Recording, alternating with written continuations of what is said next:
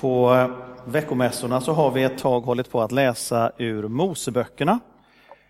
Eh, och eh, vi har kommit till Andra Mosebok. Det är en liten utmaning för att jag följer de stycken som man brukar läsa på sabbaten i synagogan och det är ungefär sex kapitel och så plockar jag ett litet stycke. Eh, det var spännande för att allting i veckans stycke är bygginstruktioner när det gäller tabernaklet. Men också det kan ha någonting väldigt stort att säga. Så från Andra Mosebok, det 25 kapitlet, instruktioner om förbundsarken. Vi börjar där. Du ska göra en ark av akacieträ, två och en halv aln lång, en och en halv aln bred och en och en halv aln hög. Du ska överdra den med rent guld på insidan och utsidan.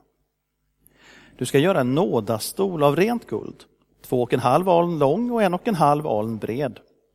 Och du ska göra två keruber av guld. I hamrat arbete ska du göra dem och sätta dem vid de båda ändarna av nådastolen. Sätt en kerub vid ena ändan och en vid den andra. I ett stycke med, nåd, i ett stycke med nådastolen ska ni göra keruberna vid dess båda ändar. Keruberna ska breda ut sina vingar uppåt så att de övertäcker nådastolen med sina vingar. Deras ansikten ska vara vända mot varandra. Mot nådastolen ska kerubernas ansikten vara vända. Du ska sätta nådastolen ovanpå arken och i arken ska du lägga vittnesbördets tavlor som jag ska ge dig. Där ska jag göra mig känd för dig. Och från nådastolen, från platsen mellan de båda keruberna som står på vittnesbördets ark, ska jag tala med dig om allt som jag genom dig ska befalla Israels barn. Så lyder Herrens ord. Gud, vi tackar dig. Bygginstruktioner. Det är en utmaning att starta i det, men det är förbundsarken vi talar om. Så att eh, om man som jag är väldigt förtjust i Gamla Testamentet, eller om man som jag är väldigt förtjust i actionfilmer som Indiana Jones, så har man koll på förbundsarken.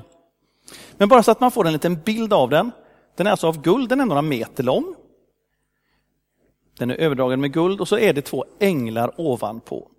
Och instruktionen om man bara ska få en bild av det är att de ska breda ut sina änglar, sina vingar, en uppåt och en åt sidan. Så att de liksom liknar en stol. Det är därifrån det här ordet nådastol kommer. På den här förbundsarken så tänker man sig att det liksom ska föreställa Guds tron. Så ska den stå inne i templet sen och markera att här är Gud.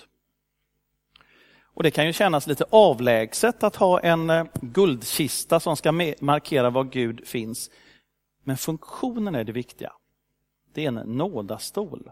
Var möter Gud oss? I förlåtelsen. Där visar sig Gud för oss. Vad är tronen?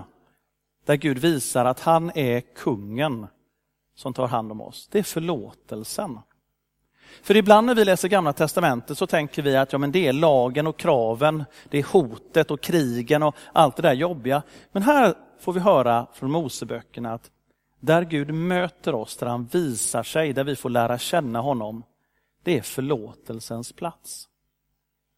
För det var nämligen dit in som man skulle gå med offerlammen, med blodet från djuren, som liksom skulle vara en profetia om att det inte är vi som dör för våra synder, det är Gud som ger förlåtelse istället. Och Jesus är Guds lamm. Jesus är offret som ger oss förlåtelse.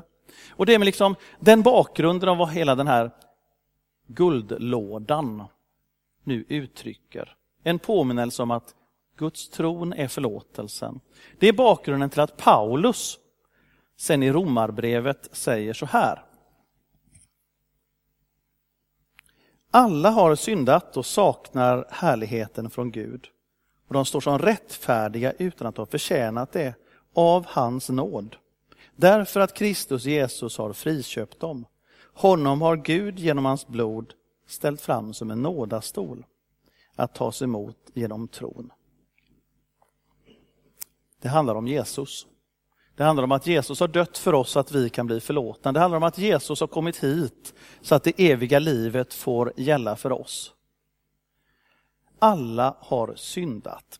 Det är kanske inte känns som en munter inledning som hälsning från Paulus. Men om vi tar det här vanliga ordspråket, att fela är mänskligt. kan vi känna igen. Att vara människa, det är att inte riktigt nå hela vägen fram, för vi gör en massa fel. Ibland med vilje, ibland av misstag, men vi når liksom inte hela vägen fram. Att fela är mänskligt. Men fortsättningen på det här enkla ordspråket är ju faktiskt att förlåta är gudomligt. Att förlåta är gudomligt.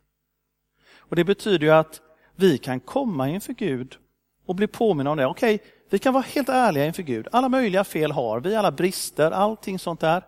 Men det är lugnt. För Gud är en förlåtande Gud. Och Det han vill ha från oss är en ärlighet. Att vi faktiskt stannar till och tänker det. Gud möter oss i förlåtelsen. Och då är det inte farligt att vara ärlig. Det är inte jobbigt att erkänna att vi inte är fullkomliga. För vi har en förlåtande Gud som älskar oss. Hans tron är förlåtelsen, i förlåtelsen möter han oss. Och när vi samlas till gudstjänst så det är faktiskt det som gör att vi kan vara helt trygga. Det är inte ett krav. Vi måste inte ha alla rätt. Vi måste inte ha vunnit och presterat färdigt. Gud kommer oss till mötes. Han ger förlåtelsen, han ger frälsningen. Och det är i den tryggheten som vi firar gudstjänst. Det är i den tryggheten som vi kan vända oss till Gud nu med en syndabekännelse och veta det.